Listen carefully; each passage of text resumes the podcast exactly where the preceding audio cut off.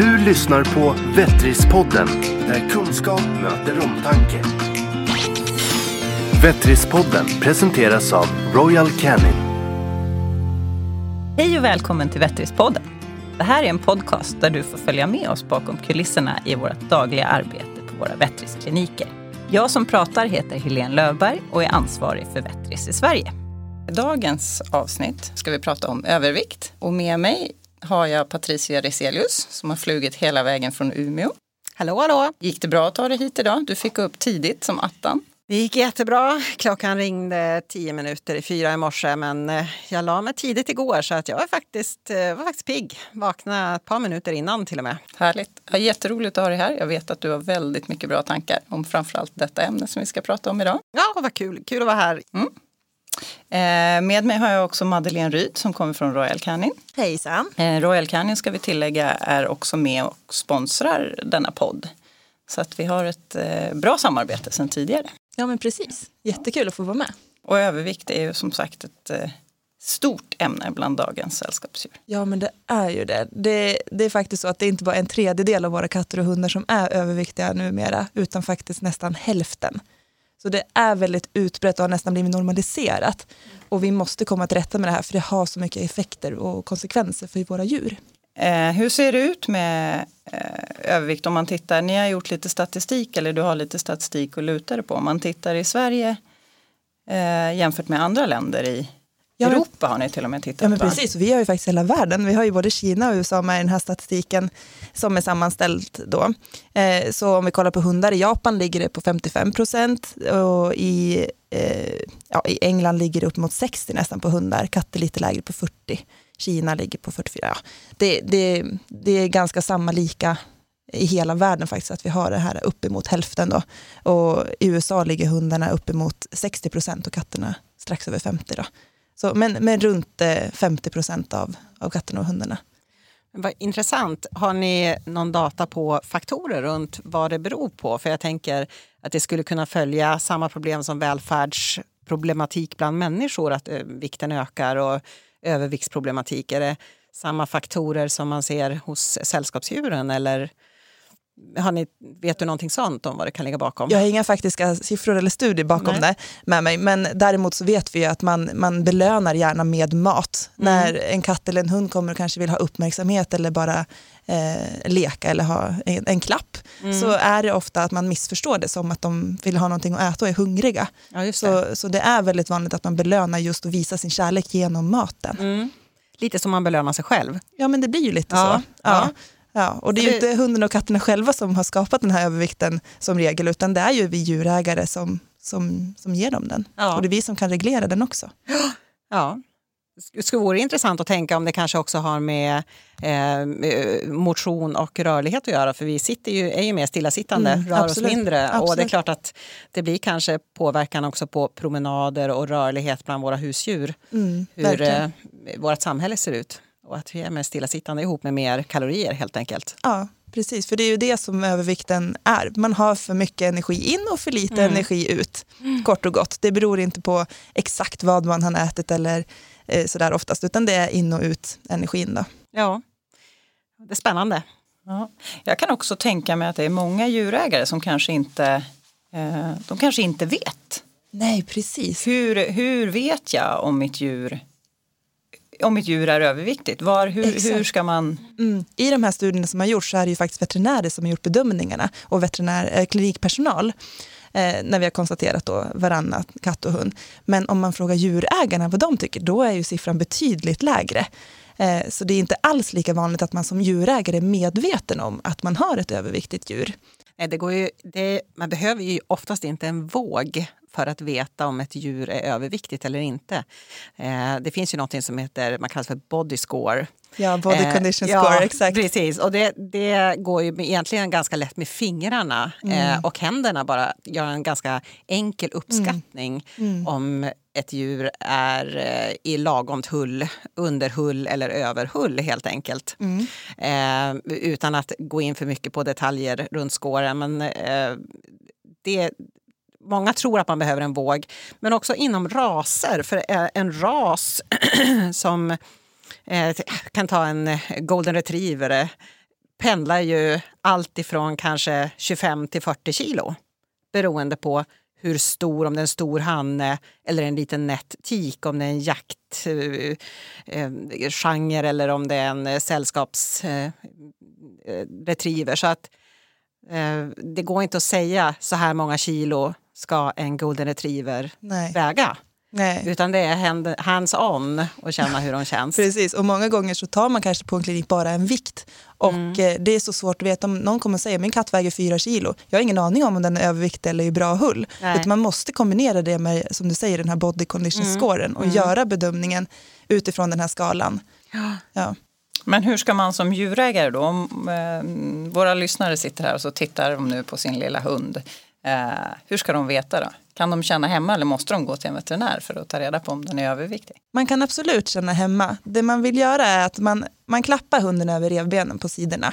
Så ska det vara lätt att räkna revbenen. Det ska kännas.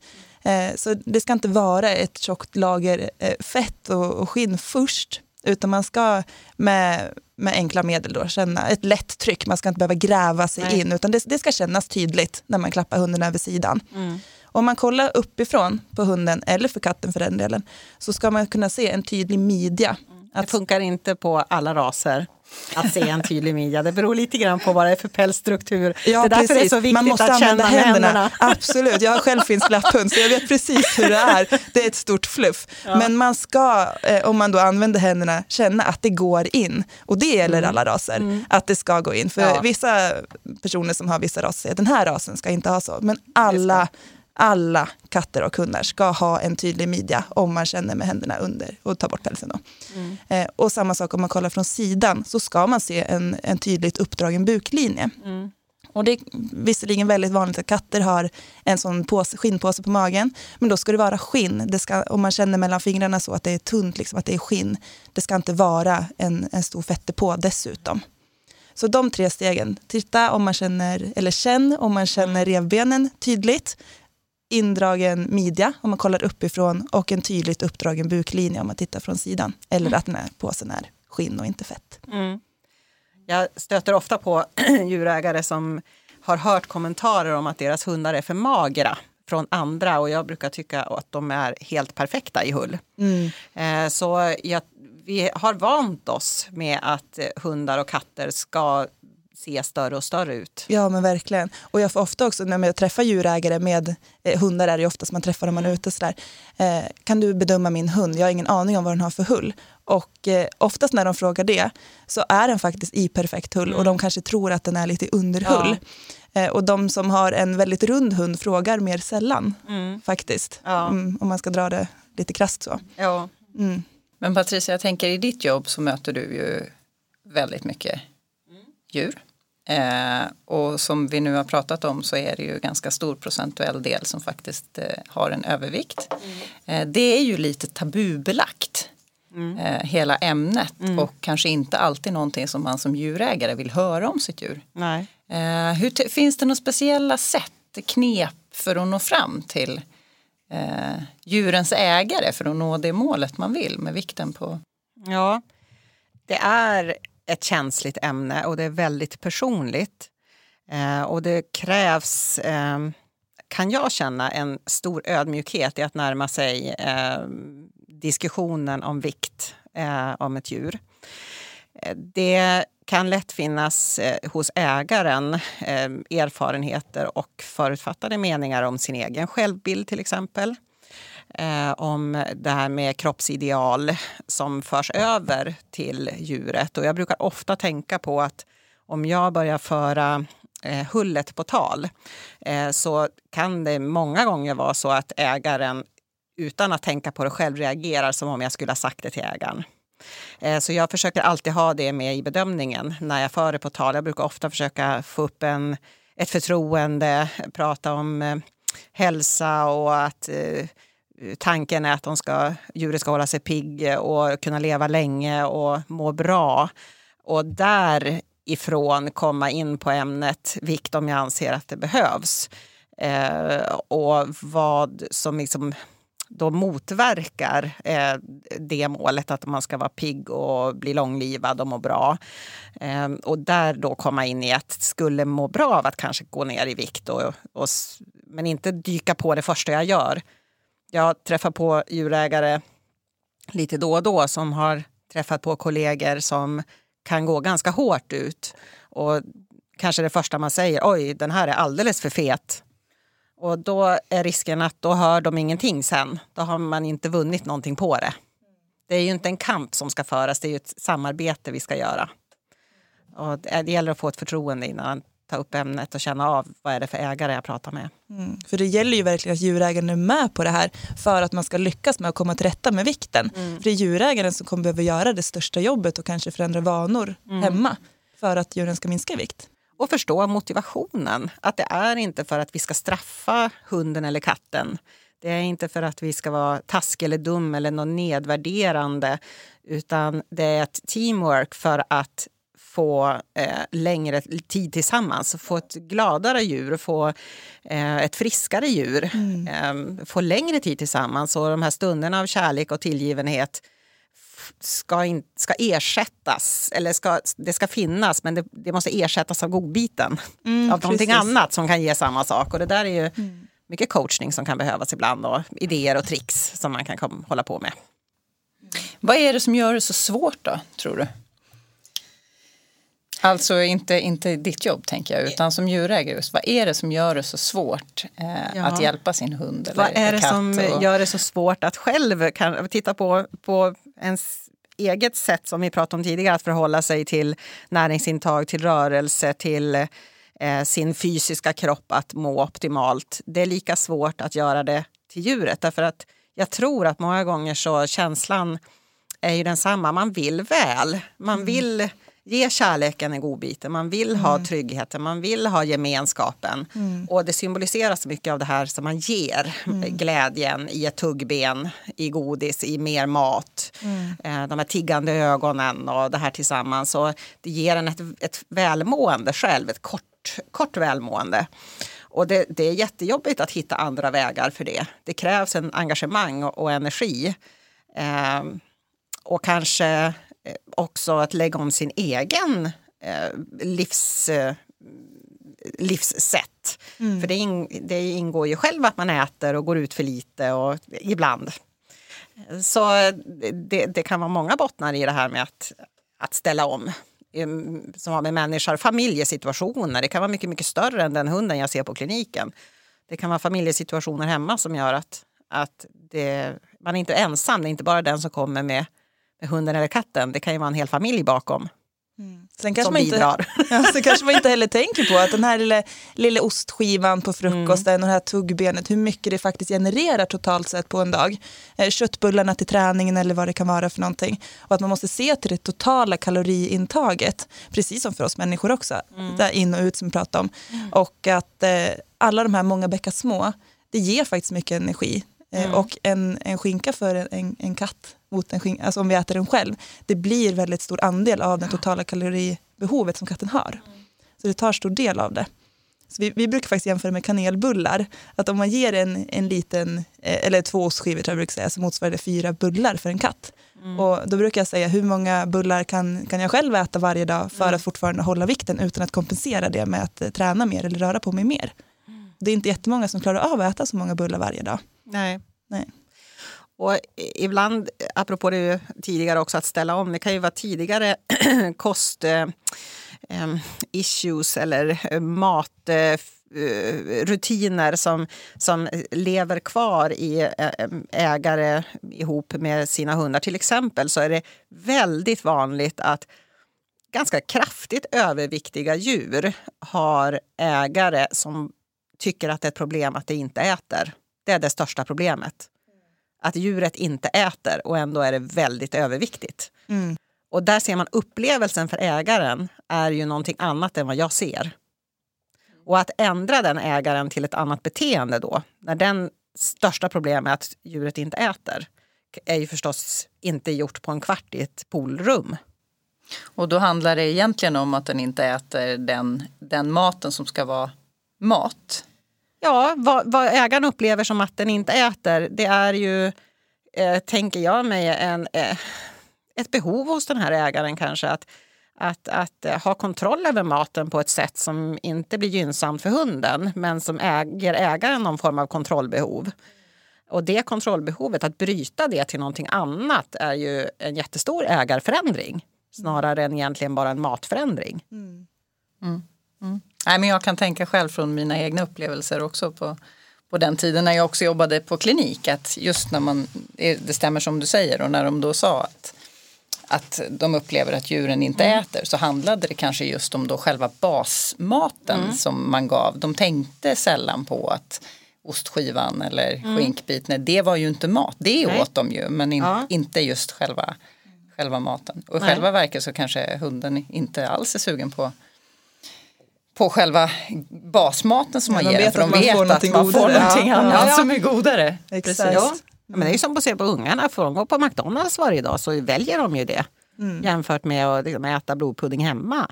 Mm. Eh, sen är ju det steget långt till att de skulle liksom, medvetet svälta ihjäl om de inte fick något annat än den där blodpuddingen. Om det inte, mm. De äter ju förmodligen tills mm. när de är hungriga. Precis, för det är väl det som är den vanliga missuppfattningen, att min hund den vill inte äta. Nej, för den är ju redan mätt, för ja. den har ätit andra saker. Ja, men, eh, precis, man, man låser sig. På så sätt kan det vara svårare med katt, eh, om vi övergår till det. Att, att styra en hund kan ju ändå trots allt vara om vi nu kan vara lättare. En katt kan ju vara ännu svårare, särskilt om du har flera katter om ändå är väldigt stor. Ja, det är ett standardproblem. Mm. Ett hushåll med flera katter. Mm. Ena katten är smal och andra katten är tjock. Det är en sån riktig klassiker. Och här får man ju verkligen vara kreativ. Ja. Var, hur kan jag utfodra för att den, den här eh, katten som är för tjock ja. inte får tillgång till den maten som den smala katten behöver äta? Ja. För det, det, är svårt att individanpassa när man har flera individer som äter samma skålar. Och så. Det är mm. jättesvårt. Har du några bra tips? Tips som jag har snappat upp vägen. Antingen så kan man ju ha en, eh, om man har möjlighet, någon form av utrymme under en trapp med någon skiva för eller i ett annat rum eller så med en kattlucka in med, där man har chip då på ena katten, så bara den katten, den smala då förslagsvis, ja. kommer in i det utrymmet där man då har mera mat. Ja. Eh, det är väl en klassiker. Eh, ibland får jag höra att man har eh, en tjock och en smal katt och den tjocka katten den orkar inte hoppa upp på vissa mm. utrymmen. Mm. Då kan man ha så att den smala katten får möjlighet att äta extra då där. Mm, på ett högre skåp eller någonting. Till exempel. Det brukar jag tipsa om också. Ja. Det, det låter så taskigt. Det låter men jättetaskigt men det funkar. Egentligen. Ja, precis. Jag har hört om ett exempel där det var en, en husse som hade, han hade i och för sig bara en katt, mm. eh, men jag kan tänka mig att det funkar på motsvarande sätt. Då kom katten och tiggde hela tiden, han, om han jobbade hemma eller var pensionär, jag minns inte, men han var hemma mycket. Och eh, varje gång katten kom och tiggde så hade han en liten skål med daggivan bredvid sig. Så varje gång katten kom så kastade han iväg en kula. Mm. Och katten sprang efter och var jättenöjd, fick jaga den där. Och sen så var han lugn ett tag. Mm. Och sen efter en stund så småningom så kom han tillbaka och tiggde igen. Husse kastade iväg en kula och så höll han på hela dagen. Mm. Och katten gick ju ner i vikt. Ja, mm. var han pensionär eller? Ja, jag minns inte, ja. han var hemma av någon anledning, jag minns inte vilken. Ja, det mm. kanske inte funkar för... Det kanske inte funkar nej, för gemene man. Idén, idén är faktiskt att ja. låta maten ta lång tid. Ja, antingen genom att eh, sprida ut den på golvet mm. eller så att de får leta efter den, sprida ut den i huset mm. eller i mm. lägenheten. Eh, alternativt också att man inte bara häller upp maten och går hemifrån. För många gånger, katter ligger ju och sover när man är borta. Så om man bara kan ge kanske lite grann på morgonen och sen när man kommer hem, när katten då kommer till liv igen när man mm. är hemma, att man ger lite mat då och sen brukar jag alltid tipsa om att spara en stor mängd av maten tills man ska gå och lägga sig. Mm. För väldigt ofta så är ju katterna jobbiga på natten och väcker oss mm. Eh, för att de vill ha mat. Mm. Och om de då har fått den största mängden av maten till natten så får mm. vi större sannolikhet att vi faktiskt får sova. Ja. Ja. Men du säger någonting som är väldigt viktigt. Och det var just det här med dagsgiva. Nämnde ja. du alldeles nytt, nyss till katt. Precis. Jag tror att det är väldigt vanligt när man har katt. Att man ställer fram en skål och fyller upp den. Ja. Och när den tar slut så fyller man upp den. Precis, och mm. speciellt om man har en överviktig individ så är det jätteviktigt att mm. man faktiskt mäter. Och då menar jag att man ska väga mängden. För att annars så vet man inte riktigt hur mycket man faktiskt ger. Så Nej. vad ska katten äta, hur mycket? Och det kan man ju få hjälp hos sin veterinär att eh, göra den bedömningen. Mm. Eh, och eh, att sen faktiskt väga givan varje dag och giva att så här mycket så ska den få mm. äta idag. Mm. Eh, både katter och hundar. Mm. Och att man tar från den daggivan när man ger belöningar eller just att man portionerar mm. ut det då under flera små mål så att inte katten bara kan hetsäta mm. allting och sen gå över hungrig hela dagen. Nej. Med katter är det ju också väldigt viktigt att de inte går ner för fort. Ja, precis. Eh, Det får man inte glömma. Nej, precis. Det finns ju en, en, en takt då som man vill hålla. Eh, om jag inte minns helt fel nu så är, brukar vi säga mellan en halv och en och en halv procent i veckan. Håller du med mig där Patricia? Ja, det låter, låter Ja. bra. Mm. Precis, och hundar är mellan en och tre procent i veckan. Och eh, då, annars så kan du få, ett problem då. Så att man Ja. försöker reglera eh, nedgången, hastigheten. Och det finns ju hjälpmedel som, alltså program som hjälper till att räkna ut det här som veterinärkliniken använder sig av. För katt är ju framförallt att de kan få sekundära leverbekymmer om man svälter en katt, alltså att den hamnar i svälttillstånd eller går ner väldigt kraftigt och snabbt eh, i vikt. Nu är det ganska extremfall, eh, så att ställa om den på eh, få hjälp på kliniken och få räkna ut vad den ska ha och ställa om den med lite av de här rutinerna på ett foder med rätt dagsgiva så eh, brukar inte det vara något problem att oroa sig för. Utan det är om man plötsligt ställ, att den hamnar i svält eller att man är inlåst någonstans. Ja, eller att liksom börja matvägra i flera dagar. En katt ska äta varje dag helst. Eh, inte fasta mer än något dygn. Sen, sen kan det bli bekymmer. Så de, man ska ju höra av sig om, man, om det är så att man köper en mat för att gå ner i vikt och så vägrar den helt i sten att äta det. För det kan ju hända. Mm, precis. Eh, då måste man höra av sig så att man kan få hitta på något annat. Eh, Men det är mycket rutiner oavsett vilket foder, och oavsett vilken mat och vilken diet man ger. För det finns ju överviktiga katter som kanske behöver andra dieter än viktnedgångsdiet. Precis, att de har någon annan sjukdom också. Ja, de har mm. andra, och då kan man behöva något annat. Men det är just det rutinerna och mängden. Mm. Precis, Som- och aktiviteten. Mm. Och inte annat Nej, runt precis. omkring. Nej, för många gånger så är det godbiten och det här som är på sidan om som, Mm. som är den stora boven och det man inte riktigt tänker på. Men nu när vi kommer in här på, på mat, Mm. lite mer så, så tänker jag ändå varför ska man ge en specifik bantningsmat när man har de här överviktiga, om man nu inte har ett annat eh, sjukdomstillstånd också som man måste ta hänsyn till. Mm. För många missförstår och tänker att men jag ger ett lightfoder eller moderate calorie eller allt vad de heter eh, och de är ju inte riktiga bantningsfoder utan de är ju till för att förebygga en övervikt. Till exempel vid kastrering, att man eh, byter till ett kastreringsfoder som har lite lägre energiinnehåll än ett för icke-kastrerade. Då. Men just när man byter till ett bantningsfoder så har man avsevärt mycket lägre energiinnehåll och också högre andel näringsämnen för att man inte ska få näringsbrister. För man brukar säga att man kan reglera fodergivan efter individens behov på alla foder. Eh, och för Royal Canins produkter säger vi 20% upp ner är helt okej. Anpassat då efter vad katten eller hunden har för behov. Men när man ska banta ett djur som har en, en sån här övervikt och eh, då kan man behöva reglera ner givan så mycket att den skulle få näringsbrister om man ska ha tillräckligt lite energi då. Och därför så är det jätteviktigt att man byter till ett riktigt bantningsfoder som finns några olika märken. Eh, för att då har man lågt energiinnehåll kombinerat med då högt näringsinnehåll för att man inte ska få näringsbristerna. Och dessutom så jobbar vi i alla fall med mycket med mättnadskänslan. Så det är fiberblandningen som gör att katten eller hunden blir mätt och har lättare det här med att reglera sitt foderintag och eh, att den känner sig mätt och inte har de här tiggande beteendena i lika stor utsträckning i alla fall. Och det är de tiggande beteendena som gör att det är så svårt för oss matte och husse att faktiskt banta våra djur. Och kan de beteendena minska så är det ju mycket större sannolikhet att vi faktiskt lyckas med bantningen. Precis. Håller med där. Ja, jag vet Patricia att du har väldigt bra tankar när det kommer till just det där tiggandet, beteendet och behovet hos människan att belöna Ja. eller falla för den bedjande blicken. Ja. Jag tror att det är en av nycklarna till att eh, få, en, eh, få det att fungera. Eh, att, att när jag känner när jag pratar med mina ägare att eh, hitta det där samarbetet, att vi vill samma sak, vi har samma intention. Eh, och att få dem att förstå att det är eh, helt okej att vilja ha den här eh, närheten och det inte är ett straff, eh, men att försöka hitta alternativ. Jag hade en eh, eh patient här för inte så länge sedan, en eh, matte och husse till en gammal taxtik som var eh, i 14-årsåldern. Och det är ju så att efter en viss ålder så börjar man ju veta att livet är inte för evigt. Pigg och glad, men eh, lite, börjar komma i det här lite runda stadiet kanske och har bytt då diet på grund av en sjukdom som den var väldigt, väldigt förtjust i som den tyckte jättemycket om. Och då kom ju frågan upp att den vill ha mat hela tiden och den tigger och den vill ha mer. Och matte sa, vad ska jag göra då när den, den står där och tittar på mig? Och vad ska jag göra då när den står och tittar på mig då? Ja, vad ska hon göra? Det, det, det är klart att man ska leva och det är klart att man ska få ha stunderna man har kvar och få vara tillsammans. Men då pratade vi om till exempel att all mat behöver inte komma i portion i matskålen. Det går att ha en del av dygnsbehovet just för att kunna ha de där stunderna. För nu var ju maten så god så hunden gillade det ju som godis. Eh, att det behöver inte vara utöver dagsgivan.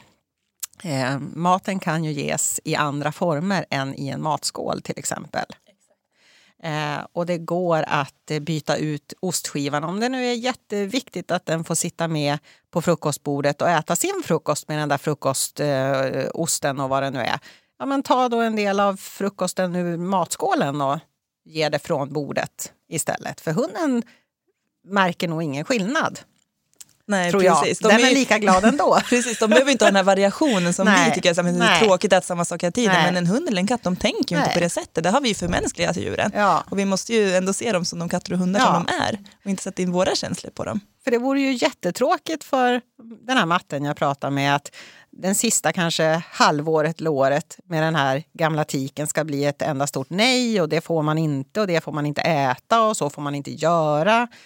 Jag menar herregud, det är klart vi ska leva och vara tillsammans men vi får försöka lura eh, kalorierna lite grann och vara lite smarta där eh, och dribbla bort lite grann. Eh, då tror jag man kan få med sig djurägarna och då funkar det. För så skulle jag tänka. Det vore ju jättetråkigt om man inte fick ha den där kärleken tillsammans. Som det kanske är att dela på någonting. Det är jättetråkigt att sitta och äta ensam. Man kanske vill dela med den som sitter med. Ja, jag kan förstå den tanken. Nej, men sen har vi också eh, pratat när vi har diskuterat tidigare så har vi faktiskt pratat om vad, vad är det, absolut man kan ha ett djur som tigger eller mm. de är hungriga och sådär mm. men det kan ju också vara att man vad är det för känsla man vill eh, nå fram till? Vad är det för, är det att mm. man vill dela något? Är det en mysig stund mm. eller är det för att man ja. tror att, att hunden eller katten är, är hungrig mm. eller eh, kan man göra något, måste det vara matrelaterat? måste det vara det, matrelaterat? Det kan ju vara så att eh, bara tänka tanken att den här känslan jag söker med godbiten till djuret just nu skulle det kunna ersättas med en klapp, en kram. Eh, att vi eh, ehm, jag gömmer kanske den här godbiten och så blir det en sökhistoria om den. Eller att vi eh, eh, går ut en stund, för det är kanske det hunden egentligen sitter och tittar. Den har långsamt, den har inget att göra. Eller katten som hoppar upp och ner till matskålen. Ja, långsamt, ganska trist. Ja, men det kanske Ska vi leka en stund eller ska vi hitta på något annat som kan ge den där gemenskapen och glädjen och samvaron tillsammans som inte behöver vara just matrelaterat? Precis. Mm. Ja, det är en klok tanke. Mm. Det funkar ju på oss egentligen. ja. Eh, så det, det, gör, för det är ju livsstilsförändringar. Och att nå den känslan eh, för en själv att må bra och vad behöver jag kanske inte... Vad behöver jag? Om jag, om jag eh, köper en chokladkaka, varför vill jag ha den? Ja, är det för att jag vill eh, jag blir lite gladare, jag vill trösta mm. mig, jag vill mm. unna mig. Vad är det jag vill? Kan jag göra något annat istället för att uppfylla det behovet? För jag kanske fortfarande behöver tröst. Mm. Men kanske jag ska ringa någon. Mm. Eller kanske jag ska göra något annat som jag mår bra av. Som jag kan finna den där trösten i än just chokladkakan. Mm, precis.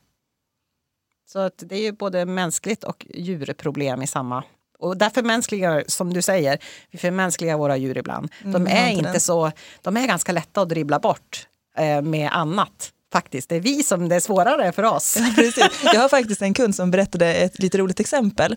Hon har en, en flatt och eh, vi har ju sådana belöningsgodisar som har väldigt lite energi i mm. sig. Och de går jättelätt att bryta i små, små bitar. Så då har de ju ännu mindre. Man kan belöna med samma lilla energimängd jätte, jättemånga gånger. Och då bröt hon en sån liten mm. bit, gav den till sin flatt som belöning på promenaden. Och den blir ju jätteglad. Den fick mm. sin belöning. Och nästa gång hon stoppar ner handen i fickan så tar hon inte upp någonting. Men så belönar hon hunden med ingenting mm. och hunden tuggade, den blev jätteglad. Mm. Och så höll hon på. Ja. Så hunden den har ju fått samma belöningseffekt men den fick inte i sig någon Nej. energi. Nej. Det är också lite sånt, det kanske inte funkar på alla raser, Nej. men ibland så funkar det ju faktiskt. Ja, precis. Jo. Eller bara en del hundar funkar ju att kampa till exempel. Ja, Eh, exakt. Kasta en boll. Ja, gud ja. Vissa hundar funkar mycket bättre på, på lek än på, på just godis. Eh, ser man någon skillnad på innekatter och utekatter? Jag har inte siffror i huvudet så, men jag vet ju att eh, av, av erfarenhet så att innekatten är ju en tendens att vara mycket mer stilla sittande. De ligger och sover väldigt mycket och de är ju inte lika aktiva. Eh, får pälsproblem för att de inte hinner eller når och kanske tvätta sig för att de är för runda och sådär. Utekatter kan absolut vara överviktiga också. De går ju inte att reglera lika mycket vad de faktiskt stoppar i sig. Men de har ju också ett aktivare eh, livssätt och, och kan röra sig mera generellt. Och hur kan man aktivera sin innekatt? Ja men precis. Det, det är också det här fantasin som sätter gränser. Antingen den här husse som sitter och kastar sina kulor när katten kommer och tigger. Eh, jag vet katter som älskar när man har laserpenna mot en vägg och hoppar och jagar den. Eh, fjädervippor, alltså leksaker av alla dess slag. De är ju olika, man får hitta individen vad, vad den tycker är roligt. Och sen finns det de här katterna som, som de tycker inte det är kul att leka. Och där är ju utmaningen, hur ska jag få, om inte min katt tycker det är något roligt att leka, hur ska jag göra? Kan inte, alltså man tröttnar ju själv också när katten Ja. inte svarar när man försöker Nej. busa med den. Och då blir det just det, kan, om katten har ett väldigt stort matintresse, kan jag gömma maten, sprida ut det i huset, ha massa små skålar så att den måste gå runt och leta för att hitta, då måste den ju röra sig mer. Ett sånt där knep kan också vara, eh, det beror ju på om man har trappor och så, men att försöka ställa mat och vatten så långt ifrån varann som möjligt lite grann. Därför att då måste den röra sig emellan. men den måste precis. ta trappen upp, trappen Ja, ner. ja, och kattlådan kanske på en Ja, tredje och plats. kattluckan, Ja, sådär som ja, den måste precis, ha. kattlådan Ja. på något annat. Eh, Börjar de gå någon annanstans?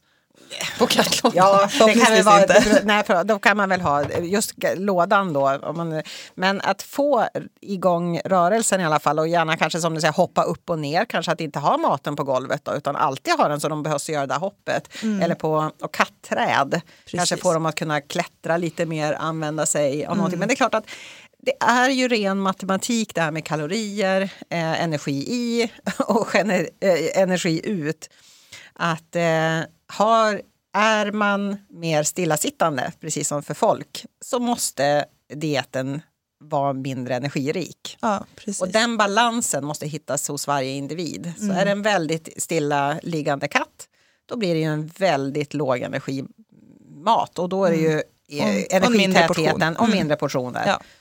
För det är liksom ren matematik. Precis, man kan inte ge fri tillgång. Jag ger ett bantningsfoder så då kan jag ge fri tillgång, för det funkar inte så. Nej, eh, vissa katter kan ha fri tillgång. Och de, är lite, luriga. jag har ju två katter hemma och de har ju kattlucka. Eh, Glenn och Filjonkan. Eh, och eh, jag ser ju på dem väldigt tydligt om det är mat de gillar och den mat de inte gillar. För vi är inte så konsekventa, om jag ska vara ärlig med den mat vi ger. Utan det är lite från gång till gång vad som ja, kommer hem i våra skålar. Och det finns ju då vissa eh, säckar som är godare än andra och jag ser ju på en gång. Då står de ju där, de ska ha mat hela tiden och de är jättetiggiga. Eh, så är det andra mat de inte är så förtjusta i, då är de, det går ju mycket långsammare ur skålen.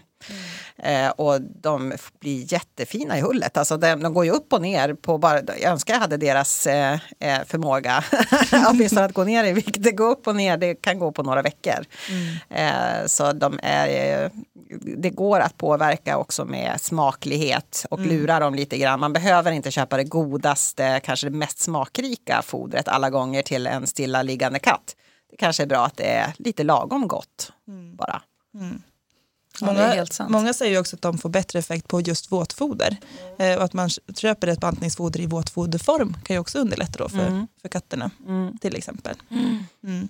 Men, men just också om man har ett sånt viktminskningsfoder som har en hög mättnadskänsla så kan man ju hjälpa katten lite på traven där att faktiskt känna eh, och reglera själv. Och för mig är, är ju det viktiga med just det här att vi ens pratar övervikt om djur. Och som vi berörde lite här i början, så vi inte glömmer bort det och påminner om att det är inte av utseende, det är inte på grund av att någon ska vara snyggare än något andra, något ideal som gärna är som för människor så är, är, blir ju gärna det man tänker på att det ska vara ett kroppsideal eller man ska passa i bikini. Det är inte det som jag tänker på för djuren om jag börjar prata vikt utan det är rena hälsoskäl.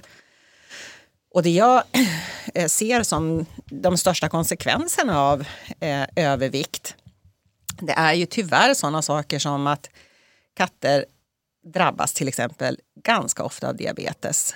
Och det är lite äldre kissar. Och jag tycker att det är så synd att eh, en sån ska, sak ska behöva förkorta livet.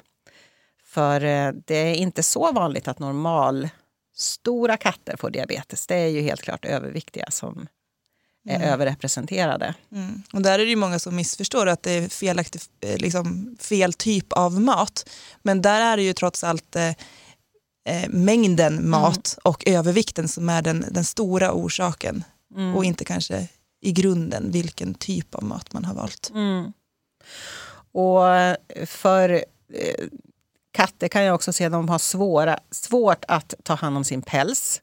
De kommer ofta toviga.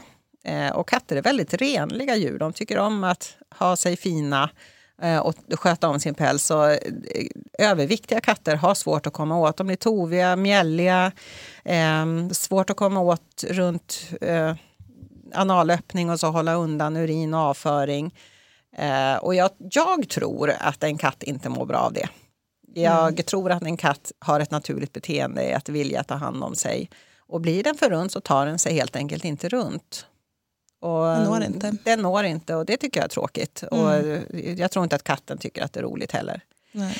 Det är ju större skaderisker, eh, både för katter och hundar, när de blir väldigt överviktiga. Att de eh, halkar, eh, skadar sig eh, på halkiga golv eller faller ner från kattträd och så vidare.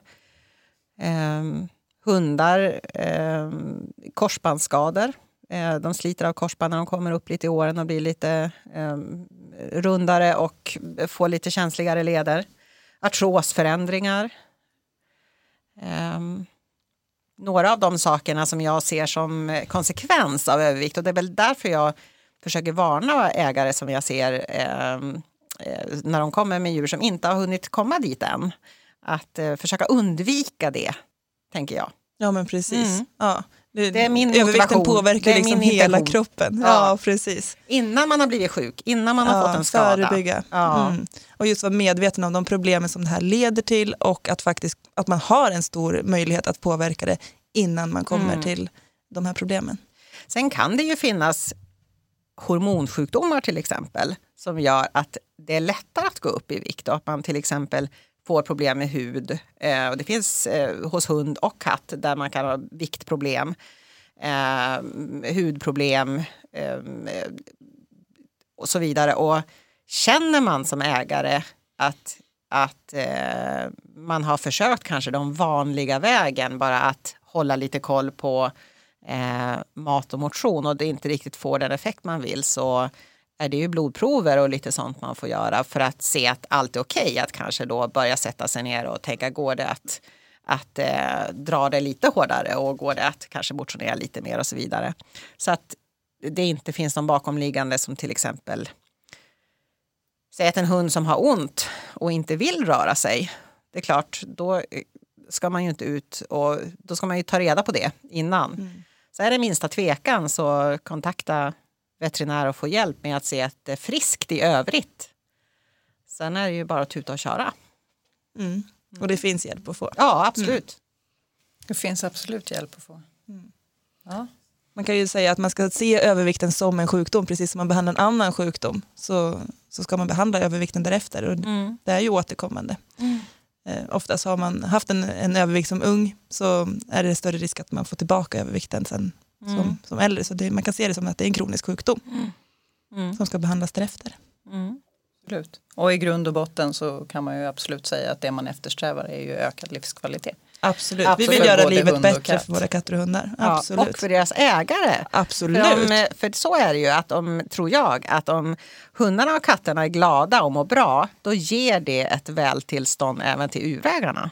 Så Verkligen. det där är liksom en symbios vi lever med med våra djur. Att vi ger varann, eh, den smittar av det, hur man mår. Ja men verkligen. verkligen. Ja. Hörrni, tack snälla för att ni ville vara med oss idag. Tack så mycket för att vi fick komma Jätte- hit. Tack. Jätteroligt. Jag tror att vi ska ta och eh, avrunda. Vi har eh, pratat eh, kors och tvärs eh, om detta ämne och jag hoppas att eh, alla som lyssnar faktiskt eh, känner att de har lärt sig något. Går till veterinären och tar hjälp om man inte själva kan bedöma. Eh, om man har ett djur som eventuellt lider av övervikt och eh, eh, tänk på att det finns fler sätt att ge kärlek till djur än via maten. Precis. Tack! Tack så jättemycket. Tack, tack. Hej då!